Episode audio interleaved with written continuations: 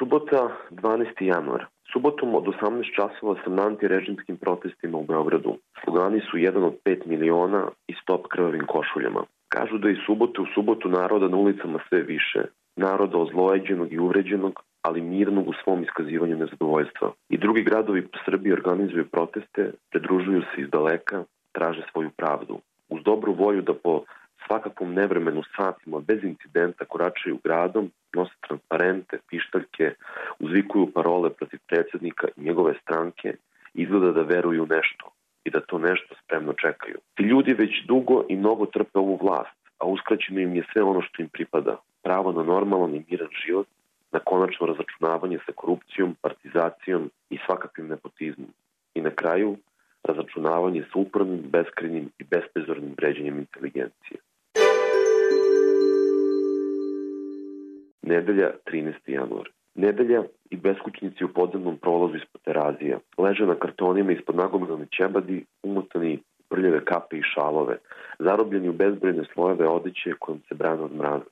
Oko njih je oskudno pokućstvo, razvrstano po bezbrojnim plastičnim kesama, predmeti namenjeni domu, ali za koje doma nema. Flaše sa alkoholom klize u krug, greju i teraju na razgovor. Jednom od njih, koji malo podalje leže na betonskim sedištima, prišli su neki otac i sin iz ranca vade odiću. Nude mu ako mu odgovara. Ne snimaju to telefonom i ne prave selfije. Pomažu u tišini i bez publike. Uskoro će njih dvojica otići, a prolaznici koji mu udale koji dinar ili zasnovu da porazgovaraju pokazujući im time da su ljudi, kad već država neće, proredit će se. Ponedeljak 14. januar. Proglašenje dobitnika Ninove nagrade za najbolji roman godine. Nagradu je dobio Vladimir Tabašević za roman Zabluda Svetog Sebastijana. Zanimljivo je da su ove godine autorke u najžem krugu od šest romana bile zastupljene čak sa četiri knjige. Četiri autorke kao finalistkinje u trci za najprestižniju književnu nagradu Srbije su dobar znak da žensko književno stvaralaštvo sve vidljivije, što predviđa da će ženske perspektive i junakinje zauzeti mesto u savremenoj domaćoj literaturi koji im pripada. Od ta četiri romana dva je objavilo kontras izdavaštvo, izdavačka kuća u kojoj radim kao urednik. Imao sam veliko čitalačko i profesionalno zadovoljstvo da budem urednik te dve knjige.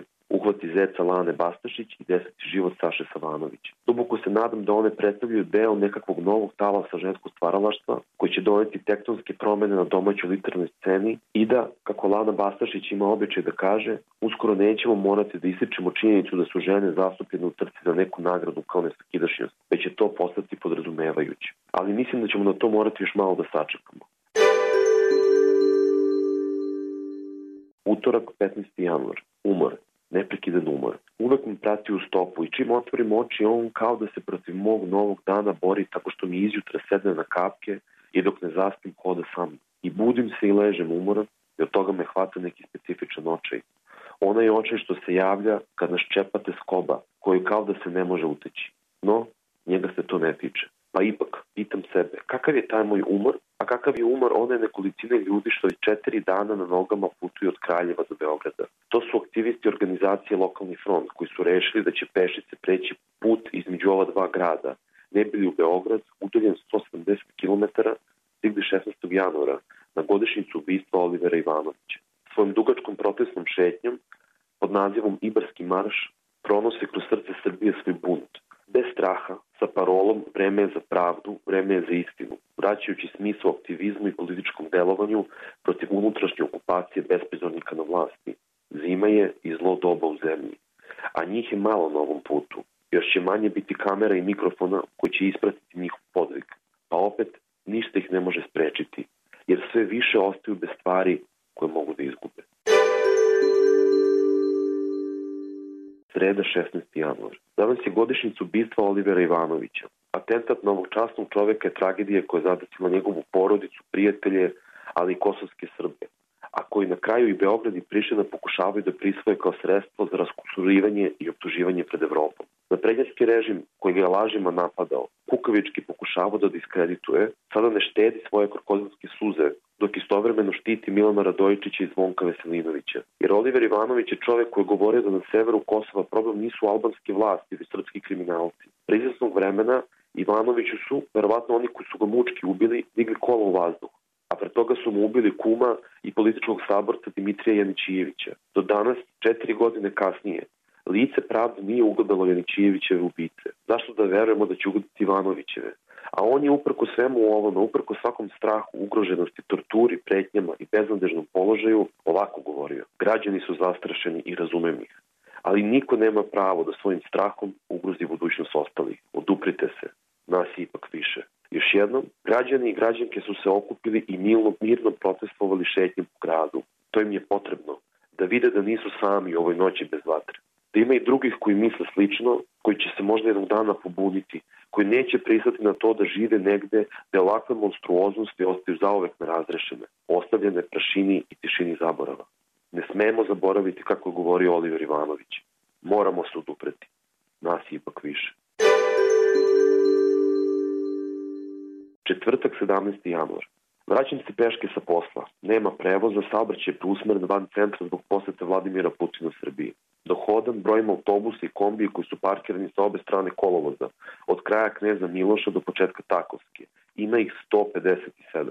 U kraja Milana nailazim na kolonu ljudi, nose ruske i srpske zastave, plakate sa likovima predsednika Ruske federacije i predsednika Srbije, transparente sa koji se pruža podrška, pištaljke, sirene, skandiranje, neka druga Srbija, kao i od uvek što je bilo. Ali i oni imaju neka svoja prava, neka svoja čekanja. Mislim da bi kako god bilo, trebalo da imaju prava da sa porodicama i prijateljima dolaze u svoju presnicu kad požele, da ne moraju da je vide samo kad im prete partijski oficiri, kada ih potkupljuju sendvičima, kada treba da izigravaju uduševljenu masu pred cenjenim gostom iz inostranstva, za kojeg im govore da od njega sve zavisi, pa da onda trkom lutaju među beskonačnim kolonama autobusa u strahu da ne zakasne kući. Kasnije uveče družio sam se sa prijateljima. Između ostalog slavili smo uspeh naših autorki koji su sa svojim romanima stigli do najuže kruga za Ninovu nagradu. Slavimo dobru književnost, slavimo dobre knjige i dobro nadmetanje koje ove godine, za razliku nekih prošlih, proteklo bez skandala. Shvatam i mi smo naravno nekome druga Srbija. Daleki, nepoznati, nerazumljivi. Zatočeni u svoje beogradske kulo od slonovače i beskreno začuđeni svojom zemljom i sunarodnicima kada zalutamo u provinciju. Nesvesni kako je i koliko ovaj Beograd gradila upravo ta provincija. Petak 18. januar. Predavnom je 2019. godina i januar je još uvek osmatračnica sa koje ono deluje dugačko. Nisam donao nikakvu novogodišnju odluku, nisam sebi ništa poželao. To ću sve usput. Jedino sam sebi obećao da ću tokom narednih 365 dana više pisati, možda završiti novu knjigu i manje očekivati od sebe i drugih. Lakše je tako i fer je.